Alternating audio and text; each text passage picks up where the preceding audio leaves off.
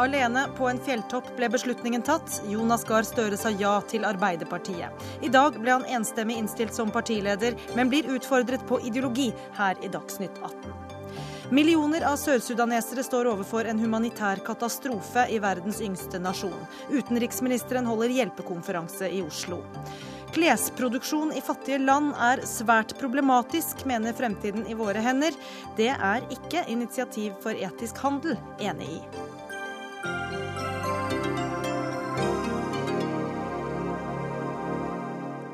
Vel møtt til en ny uke med Dagsnytt 18. Jeg heter Gry Blekastad Almås og får også besøk av Henrik Wergeland i eh, Espen Beranek Holms utgave.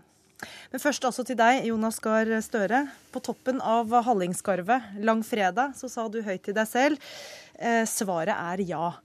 Eh, og Føler du nå at du har full oversikt over hva det var du sa ja til? Med all respekt så tror jeg ikke du har full oversikt over det, for politikk er et uh, bevegelig felt i et bevegelig samfunn. Uh, og det er en del av det jeg må tenke grundig om. Det er ikke bare vil jeg dette, men kan jeg dette? Syns jeg at jeg evner å, å ta det ansvaret? Uh, for det har jeg jo erfart i åtte år som statsråd, at uh, det handler om at du skal ha noen lange linjer som du styrer etter, og så kan hver dag bringe nye utfordringer. Men det var egentlig et OK opplegg opp på toppen av det fjellet, fordi at dette har vært en modningssak for meg. Jeg måtte tenke mye på det, snakke med mine nærmeste og folk jeg stoler på. Og så er det fint å ha ett øyeblikk hvor jeg sier at nå tar jeg beslutningen, og da er jeg alene, og så er jeg på toppen av et fjell. Og ikke bare sa du ja, men i dag ble eh, du også da enstemmig innstilt eh, som ny leder av Arbeiderpartiet, med støtte fra alle 19 fylkeslag. Og det har i dag blitt kalt historisk, eh, fordi det er første gang i partiets historie at det ikke har vært strid og maktkamp om valg av en leder i Arbeiderpartiet, har kommentatorer påpekt. Er det positivt? Jeg har hørt noen sier at det kanskje ikke er så positivt, for det burde være mer rivninger i et så stort parti. Eh, og det skal vi lytte til. Men vi må se på omstendighetene rundt dette. Her var det altså eh, ikke en strid som utløste lederskiftet. Her var det den helt spesielle situasjonen at Nato eh, ville ha Jens Stoltenberg, og han gikk videre i sitt aktive liv og tok ansvar der.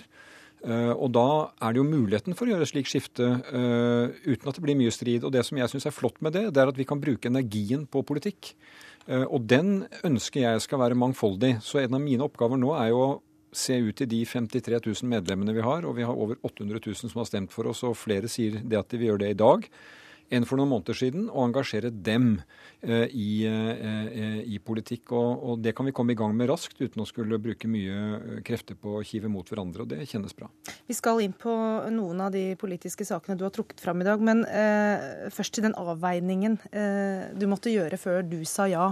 Eh, hva hva var, hva var, de avveiningene egentlig? Hva var du bekymra for at et sånt verv kunne føre med seg, som du ikke var helt sikker på at du ville ta? Jeg har sett hva det kan koste. Eh, det er en, det er en tøff lederjobb. Det er en fantastisk berikende mulighet òg. Altså, jeg er fylt av engasjement for det. Eh, men det er ikke noen illusjon om at ikke det er en tøff jobb. Eh, slik at det har kanskje vært det viktigste. Kan jeg påta meg dette? Min nærmeste, familie, kone, barn, foreldre som også trenger meg, og som jeg ønsker å være en del av. Jeg har sagt det flere ganger i dag at jeg har ikke tenkt å bli en maskin uten å ha også den delen i livet mitt. Uh, og så uh, er det dette med at, at, tanken modnes. For da jeg gikk inn i, i politikk uh, ja, som statsråd for ni år siden, da, så hadde jeg ingen tanke på at denne dagen ville komme. og da dette begynte å komme opp, så måtte jeg jo ta dette grundig inn i meg selv og, og spørre og tenke. Vil jeg det? Kan jeg det? har jeg inspirasjonen? Og det kom jeg til at jeg hadde. Og med et så veldig sterk tilbakemelding som jeg får i dag, så er jo fylt av det. Jeg, jeg, ser det som en anerkjennelse over det jeg har gjort. Men du var i tvil om du var uh, motivert for det, altså? Ikke motivert, men, men, jeg stilte det ærlige spørsmålet. Jeg tror det var kona mi som sa det at for å si ja, så må du kjenne på at du kan si nei. Og det tror jeg er klokt, at uh, det er også et alternativ. Uh, men jeg landet på ja, fordi jeg er, jeg er så overbevist om at vi kommer til å trenge mye arbeid innen politikk i årene som kommer. Jeg tror Norge står overfor noen av de største endringene vi har hatt i nyere tid. Ja, La oss komme til det, for det i dag Og da vil jeg være med på det. så sa du nemlig at klima er den største saken, og setter en total ramme rundt økonomien, ressursene og arbeidet vårt. Det er noe vi aldri har gjort før i moderne politikk, å sette en slik ramme. Hva betyr det i praksis? Ja, Det er jo det politikken og demokratiet nå skal jobbe videre med. Det er ikke noe vi begynner med nå, for det har vi jobbet med lenge. men utfordringen er så ugjendrivelig, den er så fundamental, og den er så annerledes fra alle andre uh, temaer vi har, som er veldig lokale. Dette er globalt. Og vi kan velge om vi vil tro på vitenskapen eller ikke. Jeg gjør det, og vi gjør det. Stortinget har vedtatt at vi gjør det. og jeg ønsker å snu det til å bli også et budskap som er optimistisk. At vi kan klare dette hvis vi utløser det beste vi har i oss selv, og i de sterke fellesskapene vi har i Norge. Så kan vi produsere med mindre energi, vi kan ha et forbruk som har mindre avfall, vi har mindre utslipp. Og så kan vi kombinere de store løftene for klima og det som er det lokale miljø. Den byen du og jeg bor i, er det nå utslipp av partikler fra trafikk som ikke er bra for uh, oss, og iallfall ikke for de som har allergi. Kan vi gjøre noe med det, så gjør vi også noe for klima. Og det å se disse sammenhengene Som jeg sier, klima er en ramme rundt politikken eh, som må legge føringer for hvilke valg vi tar når vi, når vi tenker stort framover. Ja, og da er jeg veldig spent på hvilke konkrete eh, konsekvenser det vil få for deg og meg og andre i denne byen og i dette landet. Nei, eh, for Hvis du da skal sette dette som ja. den høyeste og viktigste saken for altså, Arbeiderpartiet altså, jeg, jeg prøver å si at dette er en ramme rundt politikken. Og så har vi helse og utdanning og alle de utfordringene som er ja, det skjønner jeg, men hvilke, ta, hvilke, konkrete Jeg skal ta et par eksempler på det. Fint. Nå er altså vi en befolkning som vokser i Norge. Det er veldig uh, uvanlig i Europa, hvor befolkningene står stille eller faktisk faller. Og vi blir flere eldre. Samtidig så er det et veldig trykk mot byene. Folk flytter mot byene, denne hovedstaden, men også de andre store byene og litt mindre mellomstore byer. Hvordan skal vi gjøre det? Altså Hvis vi mener det vi sier at kollektivtrafikk må være løsningen på hovedutfordringen der, så krever det store avgjørelser for oss i planlegging, i finansiering, i hvordan vi deltar i det. Det må vi trekke folk med på. Og mange spør jo, jeg merker det, hva kan jeg gjøre? Hvordan kan jeg bidra til å gjøre noe med dette store klimaspørsmålet? Og da tror jeg vi må jobbe videre med forbruk, gjenbruk, måten vi bygger hus på, som sørger for at energibruken er positiv og ikke negativ. Eh, måten vi utvikler industri på. Vi er en energinasjon som kan vise vei både i å utvikle fornybar kraft og også produsere uh, vår store ressurs gass på en måte som Eh, som verden kan tåle. Så Men vil dette masse... f.eks. innebære at man sier nei til utvinning av uh, olje? At man sier at la oljen ligge? Vi kan ikke være upåvirket av det budskapet som sier at verden kan ikke ukontrollert produsere alt vi finner av olje. Men samtidig skal vi lytte grundig til budskapene at Norge produserer gass til Europa som kan erstatte det med kull. Så det må ses inn i en stor sammenheng. Men det vil være helt feil å si det at dette gjelder for alle andre, bare ikke for oss. Hvis du må balansere hensyn til klima opp mot uh, arbeidsplasser, hvordan skal du klare den balansen? Nei, altså jeg vil jo mene at Vi må prøve å utvikle samfunnet vårt slik at ikke det blir en motsetning. Det er jo en stor mulighet for arbeidsplasser knyttet til, eh, til miljø og til eh, klima. Eh, men når jeg sier at klima legger en ramme rundt politikken vår, så er det et verdimessig standpunkt som jeg mener vi kan forene med veldig moderne løsninger. Men det er ikke bare noe enkeltmennesker kan finne ut. Det er der jeg mener at vår tilnærming til politikk, som sier at det er sterke fellesskap, måten vi finansierer det sammen på, som er ressursen vi nå kan bruke. Det var eh, klima. Vi har invitert andre til å utfordre deg litt eh, også. Torbjørn Røe Isaksen, kunnskapsminister og Høyre-mann. Eh, du sa for noen år siden at du ikke kunne klare å se hvordan et sosialdemokratisk prosjekt skal kunne hevde seg i framtida. Ser du det nå, med Støre ved Arbeiderpartiroret? Jeg sa vel at jeg er helt sikker på at Arbeiderpartiet vil vinne valg igjen. Eh, nå håper jeg det blir lenge til, selvfølgelig, men eh, det er jeg nok sikker på at kommer til å skje. Men du hadde ikke men, tro på det sosialdemokratiske nei, prosjektet? Og det, og det er jo helt åpenbart at hvis man tenker på Det var jo en litt ideologisk kommentar, dette. Hvis man tenker på det som var det store sosialdemokratiske prosjektet både på begynnelsen av det forrige århundret og gjennom 40-, 50- og 60-tallet, så er det delvis av målene oppnådd, og delvis så har sosialdemokratiet endra seg. Og det at Jonas Gahr Støre blir Arbeiderpartileder, er jo kanskje en fin markering av det også. Ja, Men har du noe mer tro på eh, sosialdemokratiet da, nå når du får eh, Støre som leder der? altså, det er klart, jeg min partitilhørighet tilsier at jeg aldri får noe stor tro på sosialdemokratiet. Men jeg syns jo en av de tingene jeg har satt pris på med Jonas Gahr Støre, også når han har gått inn i aktiv politikk, er jo at han har eh, tenkt høyt, og av og til til og med tenkt nytt om Arbeiderpartiet og sosialdemokratiet. Og jeg tror jo alle vi som er i politikken er veldig avhengig av det, og ikke holde på en del gamle dogmer, men tenke hvordan skal ideene våre møte en ny tid. Og der har Jonas Gahr Støre, syns jeg, Eh, tenkt en del løfterike ting. Så gjenstår det å se hvordan det blir fulgt opp praktisk. da. For du har savnet eh, visjoner eh, hos Arbeiderpartiet. Og hvilke visjoner er det du ser Jonas Gahr Støre kan bringe Arbeiderpartiet videre inn i? Jeg, jeg, jeg synes jo, det er klart, nå, nå, er jeg en politisk motstander da, og ingen politisk kommentator. Eh, men jeg må jo si, altså, det er jo det er klart, det er, en, det, er en, det er, jo spennende at en ny Arbeiderpartileder løfter fram klima. Jeg syns det er en kjempeviktig sak. Synes det er veldig bra. Det har også, også, statsministeren gjort. Men det er, klart, det er klart, man kommer jo veldig lett i konflikt da med noen av de mer tradisjonelle Arbeiderpartiinteressene. Det, det er ikke alltid det er sånn at man både får full pott på klima og full pott på arbeidsplasser, f.eks. Det mener jeg ansvarlige politikere også må tenke over. Og det har du tenkt over? Ja, men la meg ta eh, Røe Isaksens invitasjon. For jeg mener jo at sosialdemokrati er et fantastisk moderne prosjekt. Eh, og jeg vil jo da si, siden vi er politisk motstandere, men respekterer hans debattanter, at hans prosjekt eh, ikke gir en god veiviser til det som ligger foran oss. Det som er interessant nå, er at vi, vi hører at IMF, Internasjonale pengefondet, OECD, Verdensbanken, de går ut og sier at regjeringer må ta ansvar for å motvirke voksende økonomiske forskjeller mellom folk. Dette er ikke sosialdemokratiske talerør. Men de peker på et forhold som har vært viktig for sosialdemokratisk politikk lenge. Fordi vi mener at forskjeller som øker, det skaper splittelser i samfunn og gjør dem mindre omstillingsdyktige. Men økte ikke også forskjellene under Nei, den rød-grønne regjeringen? Nei, de gjorde faktisk ikke det. Det var et av de få landene hvor det ikke skjedde på økonomi. Men vi har mange utfordringer fortsatt vi skal ta tak i. Men jeg tror altså det at når det kommer utlendinger til Norge og ser Norge, så spør de hva er det som særkjenner dette samfunnet. Jo, det er måten vi har løst oppgaver på i fellesskap. Og jeg har den troen, ut mot de utfordringene vi nå står foran, at det vil være en veldig viktig ressurs. At vi må finansiere det sammen. At vi tar ansvar for det sammen. At vi kan spre og fordele demokrati og ansvar. Ha det som en, en kraft vi jobber med. Og der tror jeg sosialdemokratiet altså hadde jeg, hadde jeg, ikke trodd på det, så hadde jeg ikke valgt å bruke mange år foran dem i mitt yrkesliv for å jobbe med det. Uh, og jeg syns at det som er uklarheten etter et halvt år med dette prosjektet, er at vi spør oss hvor skal vi? Hvor, hvor, hvor, vil vi med det? Jeg syns det er blitt liksom skattet... Det er der visjonene mangler. Det, høres, det høres ikke sånn ut på Stortinget, for da høres det ut som vi gjør altfor mye som går i gal retning. Men bare for å gi programlederen rett, så var det jo sånn at forskjellen i Norge de siste to-tre eh, tiårene økte jo eh, hele veien.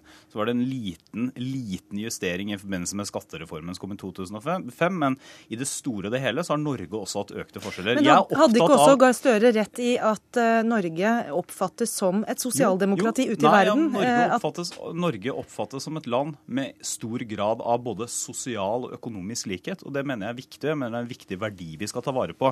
Jeg mener f.eks. at en av likhetsidealene vi har i Norge, det er at vi har mange eh, lokaleide bedrifter. Vi har altså ikke sånn at eieren sitter på et hovedkontor i et annet land, men eieren sitter der rundt lunsjbordet med sine ansatte. Det er en viktig norsk likhetsverdi. Men da må vi også ha en annen tanke i hodet eh, ved siden av det. Og det er at eh, hvis vi skal ha gode norske lokale eiere, så må det også være gunstig og greit å drive næring i Norge store ulikhetsreprodusereren i Norge i dag, det er jo det norske skolesystemet. Eh, Arbeiderpartiet snakket i alle år om at vi hadde en likhetsskole eller en fellesskole, og så så vi jo det etter hvert at den norske skolen reproduserer sosiale forskjeller. Og da ser jo jeg at når Arbeiderpartiet snakker jo veldig mye om at man ønsker likeverdige vilkår, men når de først går inn og skal satse på kunnskapsskolen, så velger de alltid bort kunnskapen til fordel for noe annet som helt sikkert er bra, men ikke gir mer læring til elevene. Altså, eh, Hvis vi ser på det som har brakt det samfunnet at uh, den som leder bedriften og fagforeningslederen sitter rundt samme bord, uh, Torbjørn Risaksen, så har Arbeiderpartiet, fagbevegelsen, sosialdemokratiet gått i spiss for det. Det er det som skiller ut mange norske arbeidsplasser ved at det er den type nærhet der ute, den tilliten som er. Og så mener jeg at Det som kjennetegner sosialdemokratisk politikk, det er ikke nødvendigvis fyrtårnene, men det er de mange små skritt som bringer store resultater. Som i familiepolitikken med barnehageutbygging, skolefritidsordning, pappaperm. Eh, det, det, kommer år for år. Og der mener jeg at nå ser vi en regjering som reverserer mye av dette. Du står i spissen for en politikk som åpner for at vi skal kunne få private kommersielle skoler. At du kan bare etablere videregående skoler, som jeg tror kommer til å rive dette utdanningsbildet vårt uh, fra hverandre. Men kanskje vil det motvirke den effekten at uh, sosiale forskjeller bare uh, fortsetter jeg, i den skolen man har? Jeg har veldig vanskelig for å se det sett med, med andre når vi ser på, ser på andre land. Men når vi, når vi nå ser framover, så, så, mener jeg at denne regjeringen snakker om politikk på flere områder, men, men, de store pengene, der den virkelig velger, det er jo i de store skattekuttene. Mm. Og jeg mener at det er dårlig framsynt politikk. For nå har vi noen år hvor befolkningen ser omtrent ut som den gjør, og så etter 2020 så blir vi flere eldre. Eh, de borgerlige i Sverige har nå etter åtte år med skattekutt sagt at nå er det nok. Nå må vi investere for framtiden. Og de har ennå ikke fått skattenivået ned på norsk nivå. Da skal Norge starte. Det mener jeg er ideologisk feil, og det er praktisk feil for det som er godt for Norge. Nå, nå er vel skattekuttene på var det fire eller fem milliarder eller noe sånt, og et statsbudsjett på 1000 og et eller annet milliarder. Så det er jo ikke der de store pengene går. Jeg kan si hva de store pengene gikk til på kunnskapsfeltet. De gikk på å øke forskningsinnsatsen. Og så gikk det på et etter- og videreutdanningsløft for lærerne. Jo, men nå snakker han om en ideologisk tenkning, jo, da, og det går jo den veien. Den, den, ideologiske, altså den ideologiske forskjellen på dagens regjering og Arbeiderpartiet er jo at Arbeiderpartiet veldig sjelden klarer å tenke er det noe som er mindre viktig at politikerne skal holde på med. Bare for å ta et, et illustrerende illustrerende eksempel. Det har vært, eh, det har vært veldig mye latterliggjøring av, av, Segway og alle disse småforbudene som regjeringa har tatt vekk. Mitt spørsmål vil jo alltid være hva er det viktigste at vi bruker tid, penger og byråkrati på? Er det å sikre en god skole for alle? Er det at alle skal få kreftbehandling på tida? Eller er det å regulere hva slags småkjøretøy folk skal gå rundt i gatene med? Og der er det fortsatt sånn at Arbeiderpartiet er eh, reguleringsivrige, selv om Arbeiderpartiet selvfølgelig også har fulgt med i tiden siden 80-tallet. Men, men altså, når jeg hører på dette, tenker jeg at ofte blir Jeg skal vokte meg for det, altså jeg skal tenke på det. For at uh, Røe Isaksen er en klok mann, og jeg lar meg gi kompliment tilbake. Du, du, tenker også nytt. Men her hører jeg at man bygger opp bilder av en situasjon jeg ikke kjenner meg igjen i. Altså uh, at, at ikke vi prioriterer satsing mot kreft. At ikke vi prioriterer et helsevesen som nå var det ikke, nå, var det ikke, nå, nå sa jeg bare at det og det vi bruker også jo, de store pengene på. Men altså, det alt er, det eh, du har lagt på bordet av forslag om det, har vi vært enige og stemt for. Dere valgte å bruke mye mer oljepenger i fjor. Vi har stemt for at vi kan gå i, i den veien. Eh, men, men, jeg tenker at når dere nå legger frem et revidert budsjett midt i året, i den tiden vi er oppe i nå, hvor vi har liksom Syria, og vi har mange barn som mangler barnehageplasser, og vi har folk som blir sagt opp istedenfor permittert, så kommer finansministeren ut og sier at gode nyheter, du kan kjøpe mer på taxfree og få billigere, billigere poengsmotorer. Da sier jeg at da har du valgt. Du har valgt hva som skal profilere budsjettet, hva folk skal høre. Hun er på fra Politisk kvarter om, om morgenen. Og da, da, sier jeg at det er en, det er en grei sak, og jeg, det gjør meg løfterik i at vi skal kjøre politikk også på ideologi mot denne regjeringen. Og videreutdanning til 500 ekstra lærere, f.eks. Ja, det syns jeg var lite. 100, var lite. 100 millioner ekstra, ja, altså i det budsjettet ikke for å gå tilbake, om, ja, nei, det det. Jeg vet ikke om vi skal ta revidert nasjonalbudsjett på nytt. Men 100 millioner ekstra til utleieboliger. Mitt poeng er at store forskjeller vi har jo, vi, Jeg mener at det er viktig at vi har et næringsliv som er sterkt, at det skal være lett å drive bedrift i Norge, at vi skal trygge arbeidsplassene. Det, det krever også noen skattelettelser. Men det er jo også en del av å trygge velferden vår på sikt.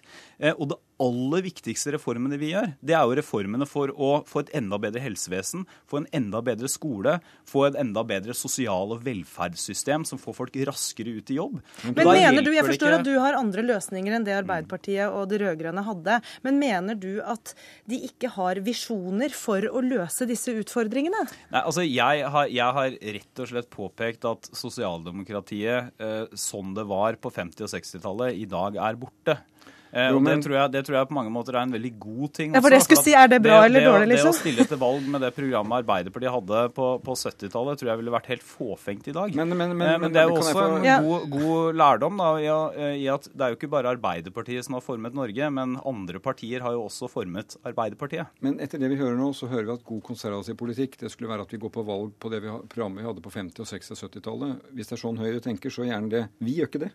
Men, men, når det er sagt, så fortalte du i dag at du har brukt mye tid nå på å, å, ja. lese deg opp på Arbeiderpartiets historie.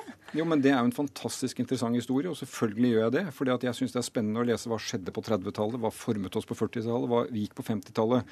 Jeg har sagt i dag at jeg tror det vi står foran nå, med alle forskjeller respektert, er den største samlede oppgave for Norge siden gjenreisningen etter krigen. Fordi vi må bygge mye nytt. Vi må fornye mye av det vi har, og vi må, vi må tenke løsninger for en voksende befolkning. Og da er jeg veldig trygg på at det vi fikk ideologisk inn på 80-tallet med Ronald Reagan som sa at staten er problemet, ikke løsningen. Da tenker jeg at moderne offentlige løsninger som ser på fellesskapet som ressurs vi er altså et land hvor vi har lav ledighet og høy sysselsetting. slik at vi har gjennom de årene vi hadde regjering, bidratt til at bedrifter skaper arbeidsplasser og går godt i Norge. Jeg tror bare ikke at oppskriften at hva var spørsmålet, svaret er skattekutt, mm. er den rette veien å gå. Det er, og det å få de fellesskapene til å virke, det er altså noe det er, jo helt, det er helt umulig å være uenig. Altså, F.eks. de store problemene vi har med en forskjellsskole, som vi dessverre ja, Nå er du tilbake der, men jeg skal, jeg skal, det er jo ikke skattekutt. Jeg skal, jeg, skal gi deg, jeg skal gi deg et avsluttende spørsmål, Røe Isaksen. Uh, hvordan skal Støre vinne neste valg?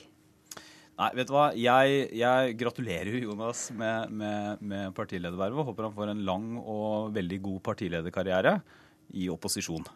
Så får tror jeg Arbeiderpartiet få pønsket det Og Ingen gode råd med på veien, men hvordan har du tenkt å vinne det neste valget? For jeg regner med at det er det som er målet? Ja, det er målet. Og det mener jeg at eh, vi skifter regjering ved valg i Norge. Det mener jeg er det normale. Men eh, når du spør meg nå i 2014, så er det å gå på lag med de mer enn 50 000 medlemmer og de 800 900 000 som sier de kan tenke seg å stemme med oss. Gi dem tro på at politikk nytter. Ja, lytte, men også inspirere til gode lag. Ja. Det er det som er viktig nå. Reise rundt og så være en kritisk og konstruktiv opposisjon. Og på noen områder områder så skal vi faktisk også finne løsninger, eh, fordi Arbeiderpartiet er vant til å ta ansvar. Takk til eh, Jonas Gahr Støre og Torbjørn Røe Isaksen. Inn kommer politisk kommentator eh, her i NRK, Magnus Takvam. Hvordan mener du Støre skal fylle skoene til Jens Stoltenberg nå? Han må jo være seg sjøl, for det første, og ikke prøve å bli en kopi av han. Og det tror jeg han selv har markert tydelig i dag også. Ja, Hva syns du du har hørt fra han her nå? Er det et skille?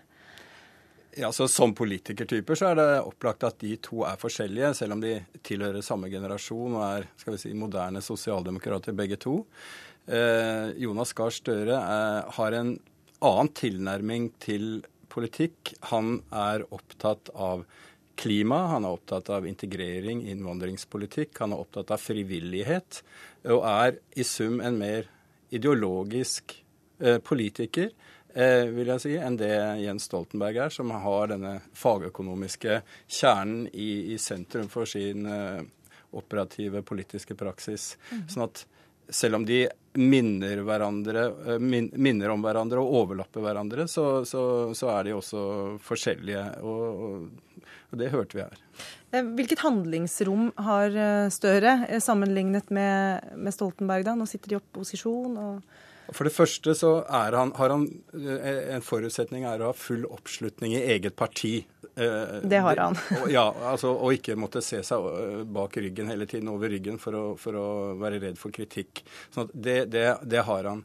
Han har også den, det at dette faller i tid sammen med Arbeiderpartiet i opposisjon, gir ham eh, en fordel. Jeg tror det er en stor fordel for, for Jonas Gahr Støre å overta Arbeiderpartiet når det er i opposisjon, for da kan han eh, reorientere politikken en del. Og det har vi sett allerede noen tegn på, som har vært mye omtalt, nemlig i klimapolitikken, miljøpolitikken. Han begynte med dette forslaget om å, eh, at oljefondet skulle trekke seg ut av kull, f.eks., som skapte mye eh, debatt. Eh, og nå sist eh, flertallet i energikomiteen som da overkjørte regjeringspartiene i Utsira-saken. Der var Jonas Gahr Støre absolutt med på innsiden i Arbeiderpartiets tror jeg, vanskelige balansegang i den saken. Og, og han var med på å, å, å, fremme det vedtaket.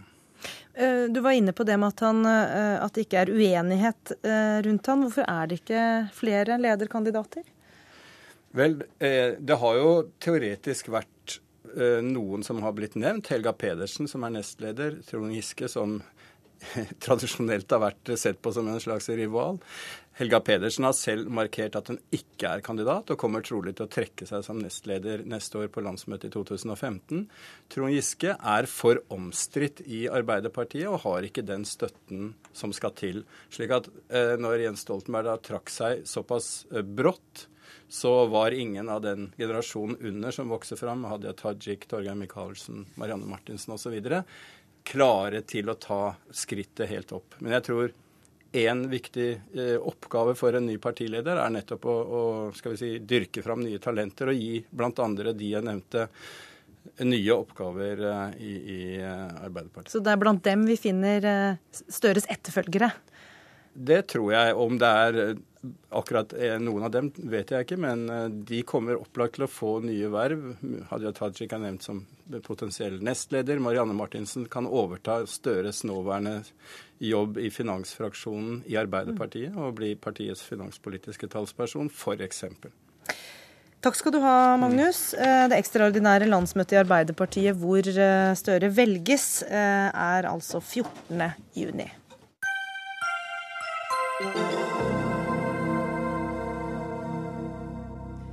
Dag og i morgen arrangeres en giverlandskonferanse for Sør-Sudan i Oslo.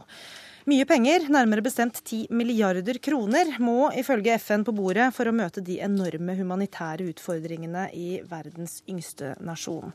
Jan Egeland, du er generalsekretær i Flyktninghjelpen. Kan du beskrive situasjonen i, Sør-Sudan aller først? Det er faktisk veldig krevende, for det er eh, verdens fattigste folk som er rammet av helt forferdelig eh, intern konflikt.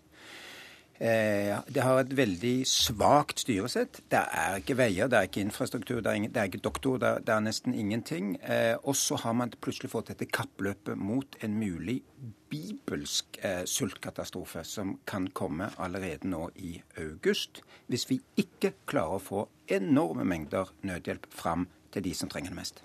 Vi har med oss Hilde Frafjord Johnsen, som er FNs eh, spesialutsending eh, for Sør-Sudan.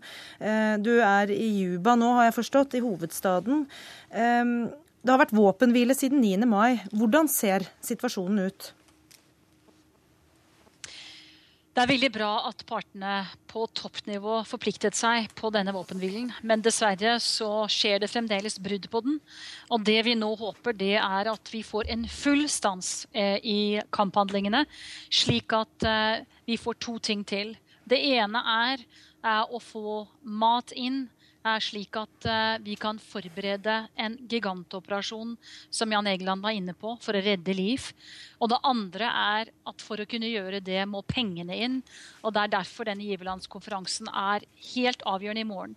Hvis ikke um, penger kommer inn i dette volumet så raskt som overhodet mulig, og vi får adgang til hele landet, slik at mat kan bli plassert nå når regntiden kommer for fullt, ja, da står vi overfor denne enorme hungerskatastrofen som sannsynligvis vil være den verste i Sør-Sudans historie. Og det, det fortjener virkelig ikke dette folket, som har lidd så mye gjennom så mange tiår.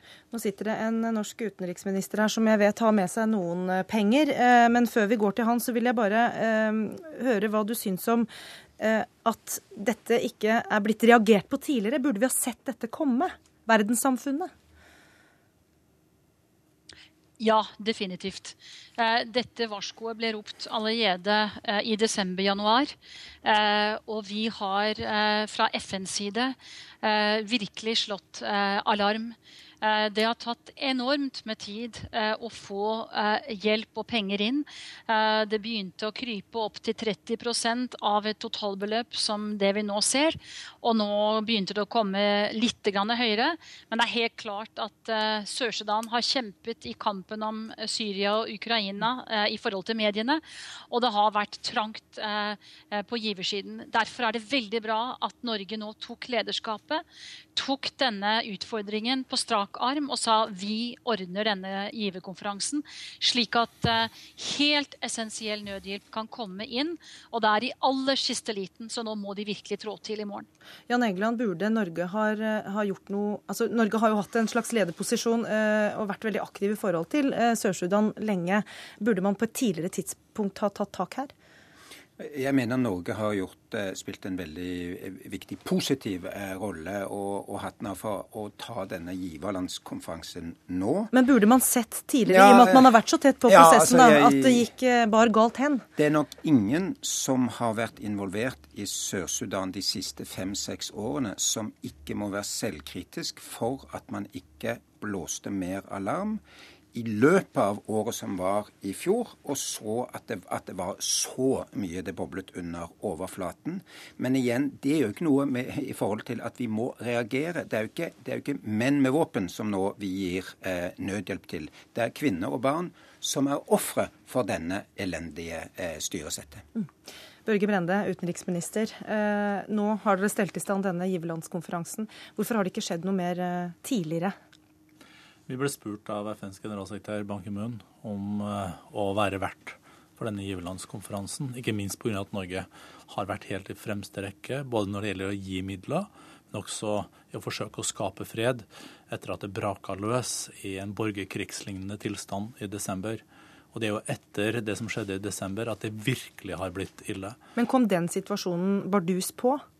Jeg, jeg tror at det ble eh, krig mellom Eh, Riyak Machar eh, og Salwa Kiir i desember, eh, kom nok overraskende. Men det har jo vært tegn i det siste året om interne stridigheter i regjeringspartiet i Juba og i Sør-Sudan som jeg tror man burde tatt mer på alvor tidligere. Men det hjelper oss jo ikke i den humanitære katastrofen vi står oppe i dag.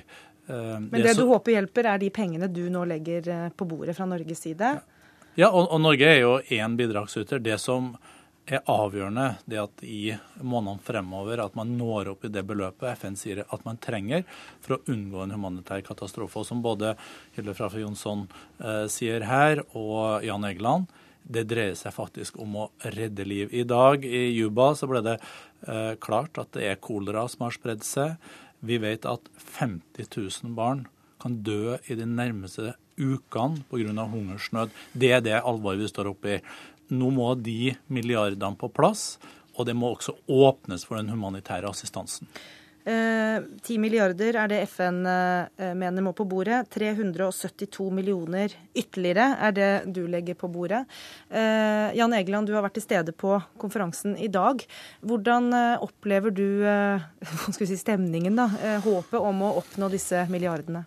Det, det, var en veldig god konferanse i dag. Eh, det vi fikk bl.a. var både regjeringsside, opposisjonsside, politisk opposisjon, giverland, frivillige organisasjoner, FN-systemet osv. til å være enige om en, en, en, en, innsats nå for å få tilgang til de områdene som er vanskeligst å nå. Eh, vi skal ha en, mye eh, sterkere kontroll på at alle hindringer ryddes av veien. Så alt i alt var det en veldig god stemning å komme for, for, å komme ut av de problemene vi hadde.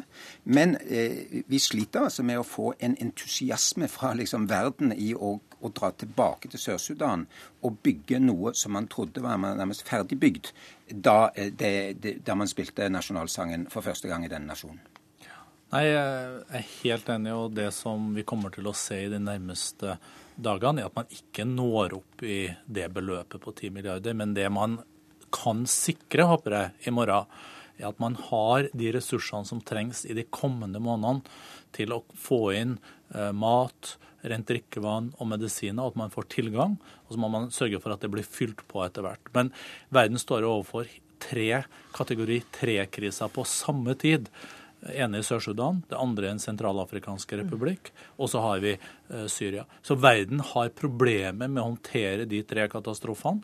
Og min og, og vår oppgave nå var at Sør-Sudan ikke skulle bli den glemte krisen. For dette er så alvorlig, spesielt pga. den regntida som kommer. Hvis vi ikke får ut maten nå, så kan det være bare flydropp som er alternativet om noen uker. Og Det er meget kostbart og svært krevende. Nå skal vi høre med Frafjord Johnsen igjen, som da er til stede i Sør-Sudan. Eh, hva tror du skal til nå for eh, å få til en løsning? Vi snakker om penger her, men det er vel ikke bare det? Det er ikke bare penger, men for å redde liv er det nå penger og tilgang til hele Sør-Sudan som gjelder. Eh, og Det betyr at alle hindringer må, må, være av veien fra begge parter, slik at eh, hjelpen kan komme inn. Det andre selvfølgelig er en stans i kamphandlingene og en klar eh, vilje fra begge parter til nå å få til framgang ved forhandlingsbordet. Til nå har forhandlingene dreid seg om forhandlinger, og det holder ikke. Så vi må se en helt annen holdning fra begge parter. Det er helt nødvendig dersom vi skal kunne løse situasjonen i Sør-Sudan. Vi har hørt eh, forskeren Gunnar Sørbø ved Christian Michelsens institutt eh, si at eh, dette var Altså eh, konflikten som har oppstått, da, eh, at det var en absolutt forutsigbar eh, konflikt. mener du at han tar feil? Helt klart at vi visste at en krise kunne komme, og at uh, situasjonen internt i Øst-PLM kunne uh, gjøre at, uh, at vi fikk et, et, voldelig utfall. Men jeg kjenner Gunnar godt, og jeg kjenner de fleste som, som er eksperter på Sør-Sudan, både i Norge og, og, veldig mange andre steder. Jeg har truffet mange her. Så langt er det ingen, ingen som har kunnet spå omfanget på disse eh, voldshandlingene. Denne voldssyklusen som tok helt av. Hyppigheten, hurtigheten og grusomheten. Det er det ingen som har forutsett. Og dette har vært verre enn noen kunne forestille seg. Og det er bare ett eksempel. Gjennom hele de 50 årene som gikk før med borgerkrig, var det ingen, eh, ingen som ødela de byene som vi har sett nå, blir totalt ødelagt. Bentu, Malakal, Boer. Det har aldri skjedd før. Så så ille har det altså vært. og Derfor så er vi nå i en helt unik situasjon. Det krever politisk lederskap, og det er det vi nå forventer av begge parter. Og Der trenger det internasjonale samfunnet å stille opp med skikkelig press. Og der vil jeg også anerkjenne både Troikan, eh, inkludert Norge, og, eh, og, FNs generalsekretær, som også har gjort en, en, god innsats i å øve press på partene. Brende, eh, mener du Norge burde gjort noe annet i utviklingen av dette som da er den nyeste nasjonen i verden? Jeg tror at hovedansvaret må legges eh, på den tidligere visepresidenten og president Salwa Kiir. De burde aldri ha latt dette utvikle seg sånn. Dette er verdens yngste nasjon. De hadde mulighetene, men pga. interne stridigheter, pga. korrupsjon og dårlig styresett, så har de latt krigsforbrytelser skje i sitt land. Og vi må nå når dette forhåpentligvis roer seg etter hvert, stille til ansvar de som står bak eh, seksuell vold eh, mot kvinner, mot barn. Det er titusenvis av unge gutter som blir rekruttert til barnesoldater. Det er et stort ansvar som ligger på de politiske myndighetene. Men samtidig så må vi se fremover og prøve å få til en samlingsregjering. Vi må få stopp på kamphandlingene. Nabolandene må inn med styrker. FN må styrkes og uh, respekteres. Uh, Hilde Frafjord Jonsson har hatt en nærmest umulig oppgave har stått gjennom dette. Men uh, jeg var i, um, i Sør-Sudan for halvannen uke siden. Forholdene der er noe av det verre jeg har sett. Og dette blir ikke minst enda verre hvis vi ikke nå får de beløpene på bordet som vi trenger. Og Giverlandskonferansen fortsetter i morgen. Takk til utenriksminister Børge Brende, Jan Egeland og Hilde Frafjord Jonsson i, eh, i Sør-Sudan. Dagsnytt 18 på NRK P2 og NRK2. Vi skal holde oss utenriks. Norge var med på å utvide FN-mandatet som lå til grunn for bombingen av Libya i mars i 2011, mener forsker og oberstløytnant Tormod Heier.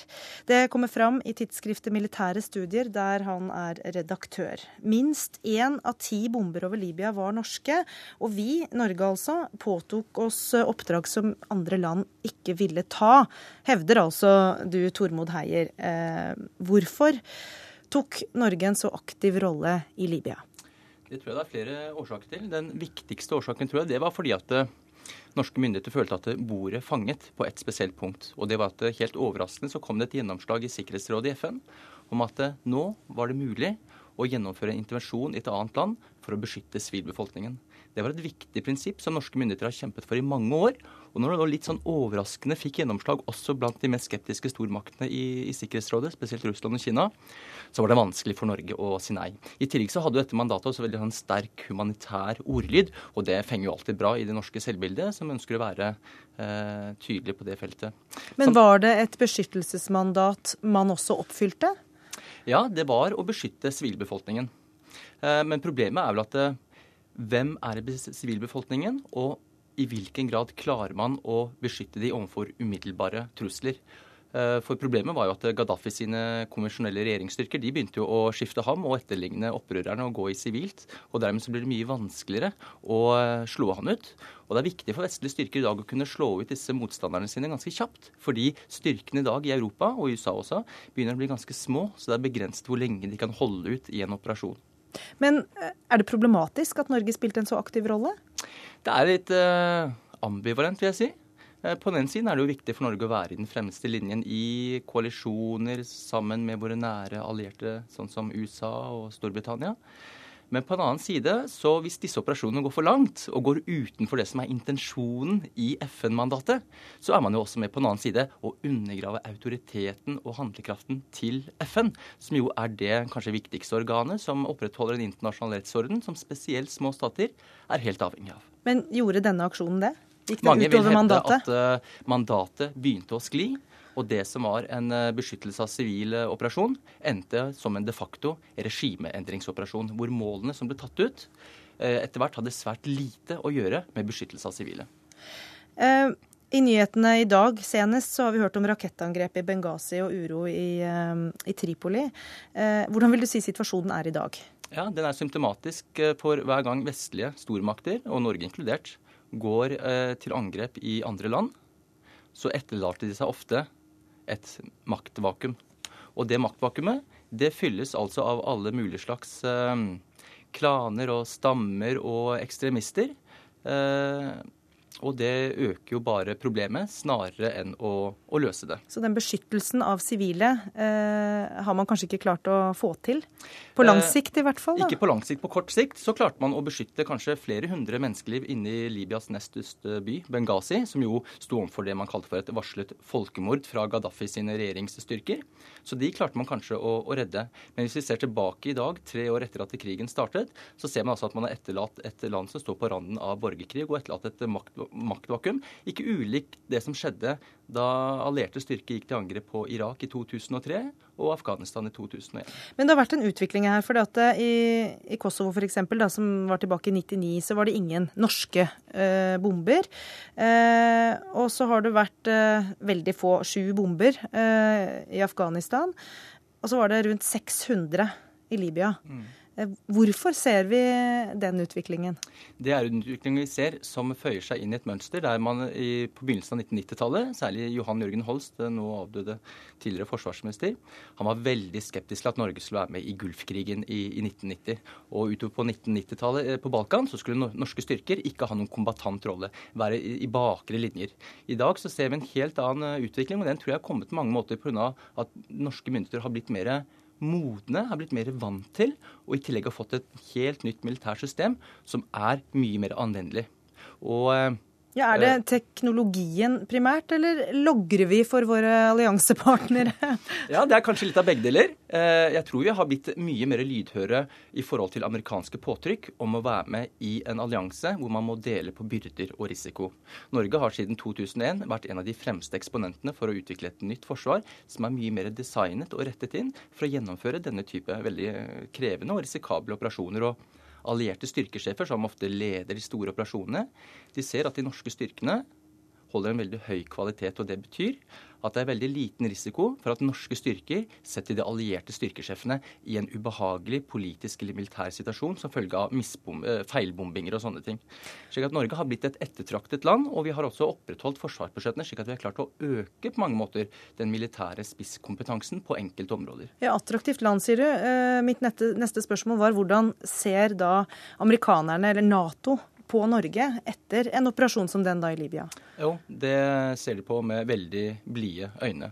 Norge blir betraktet til Nato som et foregangsland blant veldig mange andre land. Det var mange Nato-land som gjerne ville være med i krigen mot Libya men de hadde ikke kompetanse, og de hadde ikke de kvalifikasjonene som skulle til. Det hadde Norge, og man skyver på mange måter sånn sett Norge litt foran seg som et strålende eksempel på hvordan det i gåseøyne skal gjøres i forhold til hvordan man forvalter forsvarsressurser, hvordan man foredler frem eh, etterspurte og relevante nisjekapasiteter til å brukes i de mest skarpe operasjonene i fremste linje. Men vil du si at innsatsen i eh, Libya eh, var medvirkende til at vi nå får en norsk Nato-sjef, f.eks.?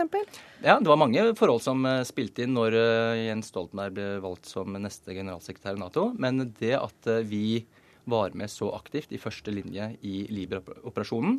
Det tror jeg var med på å styrke det norske kandidaturet, i tillegg til at det var en rekke andre forhold også, som f.eks. at Norge som sagt har et omdømme for å være en som tar omstilling i Forsvaret alvorlig, og som er flinke med å deployere de riktige typer styrkene ut i internasjonale operasjoner. Men når vi nå bidrar med å bombe eh, i såpass eh, stor grad som vi gjør, eh, hvor mye medbestemmelse har vi i eh, hvor det skal bombes og, og hvordan, holdt jeg på å si? Det er et uh, veldig godt spørsmål. Det er et veldig ømtålig spørsmål. Og det avdekker nok også en av de største svakhetene kanskje ved det forsvaret vi har i dag. At vi er blitt veldig gode på det nederste taktiske nivået, der hvor operasjonene utføres i praksis. Men på nivåene over, det vi kan kanskje, kanskje kalle for det operasjonelle og det militærstrategiske nivået, der er det veldig få nordmenn i Natos kommandokjede.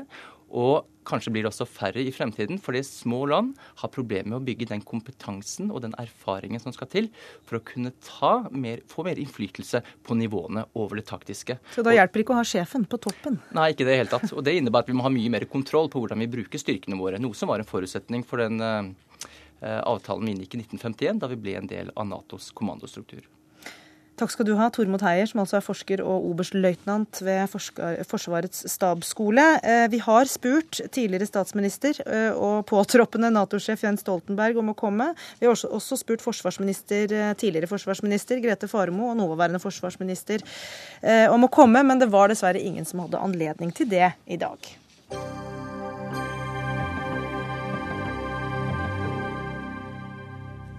Framtiden i våre hender kritiserer klesbransjen for å legge produksjonen sin til land med ustabil politisk situasjon og stor fattigdom, som f.eks. Egypt og Burma. Men nå går bransjeorganisasjonen Initiativ for etisk handel ut i avisa Vårt Land og advarer mot denne kritikken. Og Per Bondevik, daglig leder i Initiativ for etisk handel, hvorfor gjør dere det? Jo, Først må jeg få lov til å korrigere en ørlite grann. Initiativ for etisk handel er en organisasjon som er eid og med medlemmer fra både fagforeningen, sivilsamfunnet og industrien.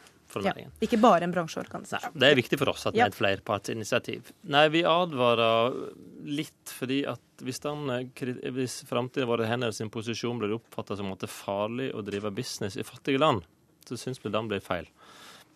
Ikke en tvil om at det er store utfordringer og risiko rundt knyttet opp til arbeidstakerrettigheter, miljø og menneskerettigheter generelt, og at en må ta ekstra god, gode forhåndsanalyser og jobbe med lokal kompetanse for å sikre at en ikke bidrar til brudd. Samtidig er det ikke tvil om at det er et skrikende behov for arbeidsplasser og næringsliv og handel òg. Så poenget, Grunnen til at vi gikk ut der, var at vi følte at det var et behov for å balansere bildet litt. Mm, løsningen er ikke å utebli, mener dere altså? Arild Hermstad, leder i Framtiden i våre hender.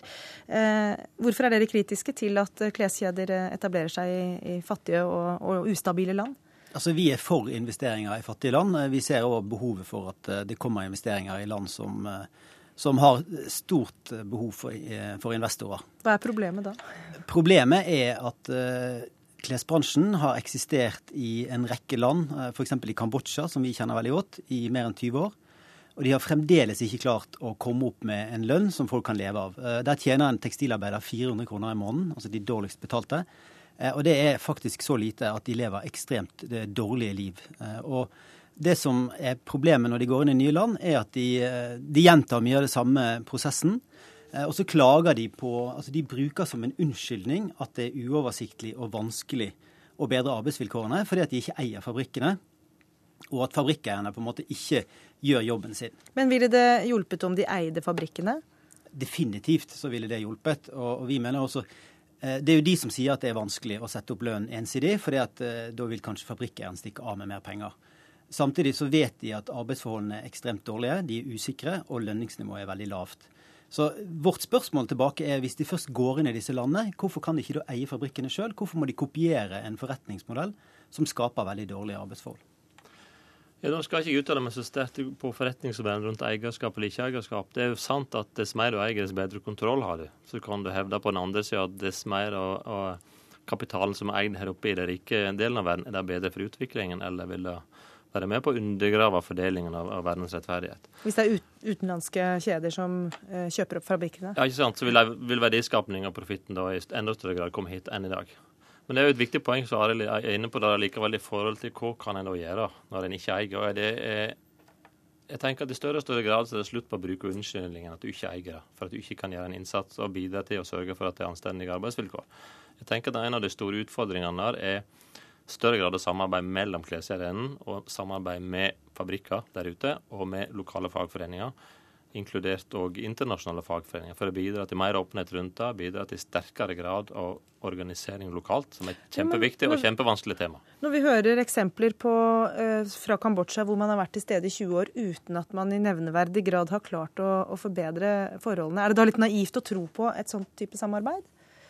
Nei, jeg tror ikke det. Jeg tror fremdeles at, altså det, er jo, det er jo stor forskjell på, på fabrikker der ute. Jeg kjenner ikke alle detaljer i Kambodsja, men jeg var òg der i februar i en mer utviklingssammenheng. Da det var klart at for mange fattige på landsbygda så var drømmene for en jobb på en fabrikk. Nå skal det på ingen måte være noen sovepute for, for å ikke jobbe for bedre forhold. Det er helt, helt rett som Framtiden påpeker, som Aftenposten sin reportasje viser, at det er langt fram fremdeles. Men jeg ser jo at det blir jo snakk om det på en annen måte. Store kjeder og små, og små kjeder òg har en annen holdning til det. Det finnes gode eksempel på, på bedrifter som har tatt tak og sagt OK, slik skal vi jobbe for å styrke lønnsforholdet. Vi skal jobbe langsiktig, vi skal jobbe bredt. Det er langt igjen. Men jeg tenker også det er viktig at det ikke målet om bedre arbeidsforhold blir at det blir så kraftig fokus på, på, på de store utfordringene at en ikke klarer å få en konstruktiv debatt rundt hva som kan hjelpe oss på veien fram. Mm. Ja, Hermstad, er det ikke også, uh, i mange tilfeller i hvert fall, bedre at uh, kleskjedene er der og kan gi arbeid til folk, uh, enn alternativet? Altså, problemet er jo dels at historisk så har klesindustriene flyttet rundt, sånn alltid på jakt etter lavere lønninger. Eh, og, og, de har jo lykkes stort med det å finne land hvor lønningene er enda lavere. Eh, og de har ikke gått på en måte på de aller laveste landene først, fordi at de er avhengig av en viss infrastruktur som skal fungere i det landet før de investerer. Eh, og, og vi er jo redd for at man nå har jobbet i mange år i noen land og fått opp gradvis litt bedre systemer, litt høyere lønn. Det er blitt flere fagorganiserte i noen av landene som etter hvert begynner å kreve rettigheter.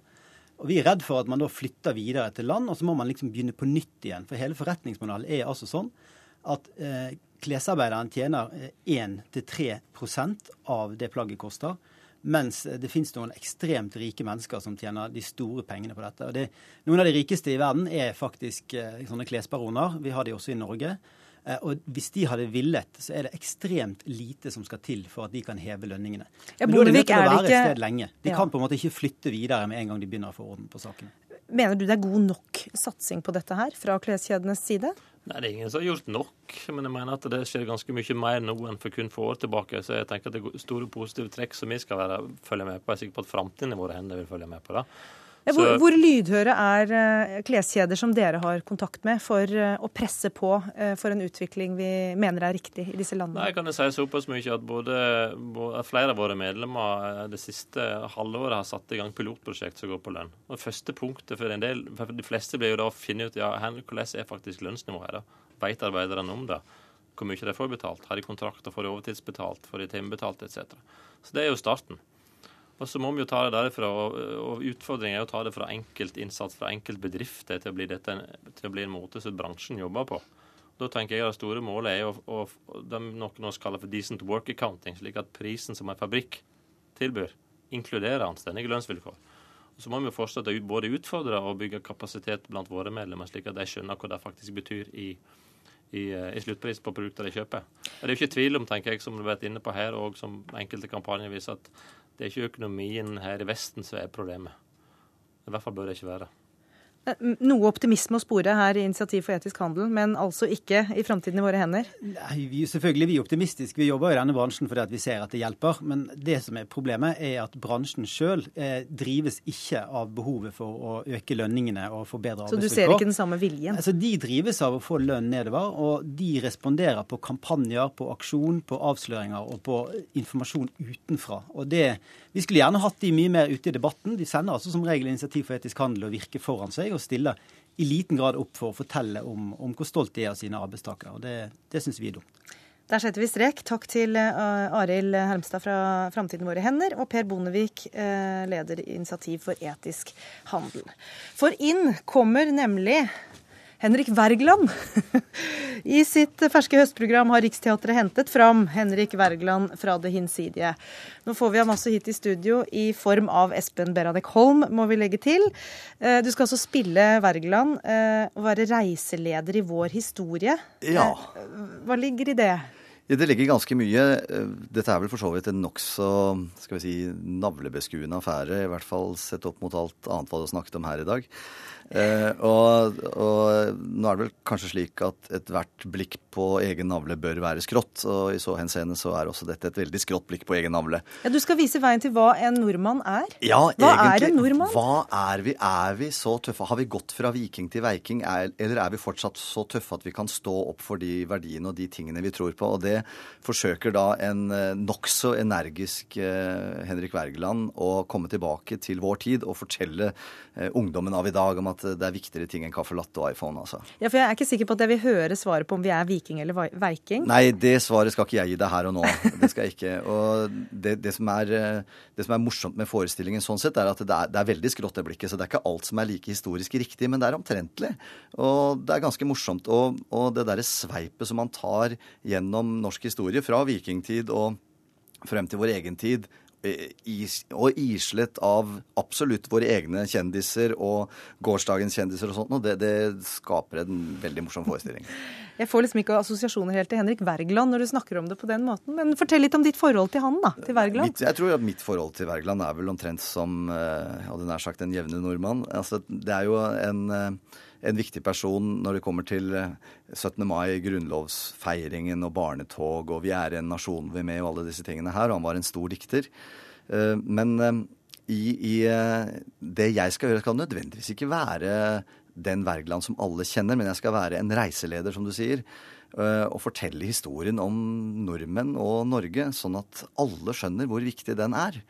Og det, det, gleder jeg meg veldig til å gjøre. Og da er du også 17. mai-kongen, og derfor eh, er det også skolekorps involvert? Det er det, for Riksteatret spiller jo på hver eneste lille sted i Norge. Og hvert sted så skal vi ha med et lokalt korps, virkelig for å få den store 17. mai-feelingen på plass. Og den store barnetogstemningen. Med fare for å liksom få veldig mange korpsentusiaster mot meg nå, så vil jeg jo bare si at det er jo ikke alltid like flott å høre et skolekorps. Ofte veldig fint, men ikke alltid. Det er alltid fint å høre høre skolekorps. Okay. Absolutt alltid. Og, og det... det... skaper den riktige stemningen, det vil gjør gjøre overalt. Det er bra. Det ja. høres veldig lovende ut. Uh, vi er midt i et 200-årsjubileum av Grunnloven. Mm, sånn at, jo, jeg tror, jeg tror, det er veldig fint nettopp derfor òg, fordi at oppmerksomheten på Grunnloven og alt det den står for, og veien dit, har vært veldig mye belyst nå eh, fram til 17. mai. Ja, Og blir det ikke litt for mye? Nei, men det er derfor jeg tror nettopp det er fint at vi kan tulle litt med det nå. For nå har det vært veldig mye alvor og pomp og prakt og fint og sånn, og det er bra, det. Men da er tiden absolutt inne til dette skrå navleblikket. Kan du gi oss noen eksempler på skråblikk? Vi, eller jeg vet ikke hvor langt dere er kommet i arbeidet? Nei, vi har kommet veldig kort fordi at vi startet gjennomlesing av manus i dag. Så jeg kan ikke si at jeg har Wergeland under huden ennå. Det, det, det, er å trekke det veldig langt. Men jeg gleder meg da til å jobbe med dette materialet sammen med Det er jo et ensemble, det er jo ikke bare meg. og eh, Wergeland velger seg en sidekick eh, som viser seg å være eh, Christian Fredrik, danskekongen. Eh, gestaltet av Elisabeth Moberg. Og Theodor Jansson skal, skal gjøre svenskekongen Karl Johan. Og de er jo lett kaudervelske å begripe seg på med sitt svensk fransk, dansk. Ja. Så det skal bli morsomt. Men du er jo ikke bare humorist, du er også musiker. Ja. Eh, ser vi noe likhetstrekk til Wergeland her? Ja, jeg tror det, fordi at han var en ordkunstner, og i ordet så bor også veldig, veldig mye musikk. Eh, og så skal vi jo, Det er jo skrevet masse fin musikk. Atle Halstensen har komponert masse fin musikk som vi skal fremføre. Og jeg skal få lov til å spille ukulele og gitar og sånn. Jeg vet ikke om Wergeland trakterte det, men eh, det er kunstnerisk frihet. Og da får vi Vi er en nasjon vi er med i noe, moderne versjon, eller? Ja, ja så, ikke, ikke, akkurat den, men vi er, innom, vi er innom en del av disse kjente sangene også. Men i litt nyere tapninger, ja. Og så eh, dette med viking til veiking. Mm. Eh, Caffè latte var du inne på. ja. Eh, ja, skjønner at man, man, blir litt nervøs av det. Er vi egentlig ikke noe test lenger? Er vi rustet til strid? Ja, det er det som er spørsmålet, da. Altså, hva, hva, hva ville skjedd hvis vi ble utsatt for brutaliteter akkurat her, akkurat nå? Hva, hva tror du? Eh, Jeg er litt i tvil, altså. Jeg er litt redd for å miste nettdekningen, ikke sant. Og ikke minst mobildekningen. Så jeg vet ikke hvor langt det hadde gått, altså. Du hadde ikke blitt en av gutta i skauen. Vi, vi, er ikke ja, vi, vi, håper jo at vi er så tøffe. Bare hvis det er dekning der inne. Ja, ikke sant. Vi håper at vi er så tøffe. Og det, det, det kan du si at ålreit, dette, dette stykket er spøkefullt og det er fullt av humor og sånt noe, men allikevel så er det et litt alvorlig spørsmål man stiller òg. Og det er bra. Og dette har eh, premiere i Bodø den 10. september, står det her. Det, det, kan du bekrefte. Det kan jeg bekrefte. Og så legger du ut på veien. Og så er vi på turné helt fram til eh, 23. november, tror jeg det er. Ja. Da ønsker vi både Henrik Wergeland og Espen Berane Kolm lykke til med det. Og tusen takk for eh, at du kom til Dagsnytt 18 i dag. Denne sendingen er eh, slutt.